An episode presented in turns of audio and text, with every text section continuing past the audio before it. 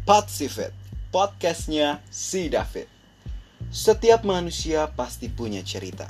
Cerita buruk, cerita baik, cerita menarik, cerita menyeramkan, sampai cerita-cerita yang tak pernah terbayangkan. Potsifit hadir untuk kamu yang suka mendengarkan cerita kehidupan remaja.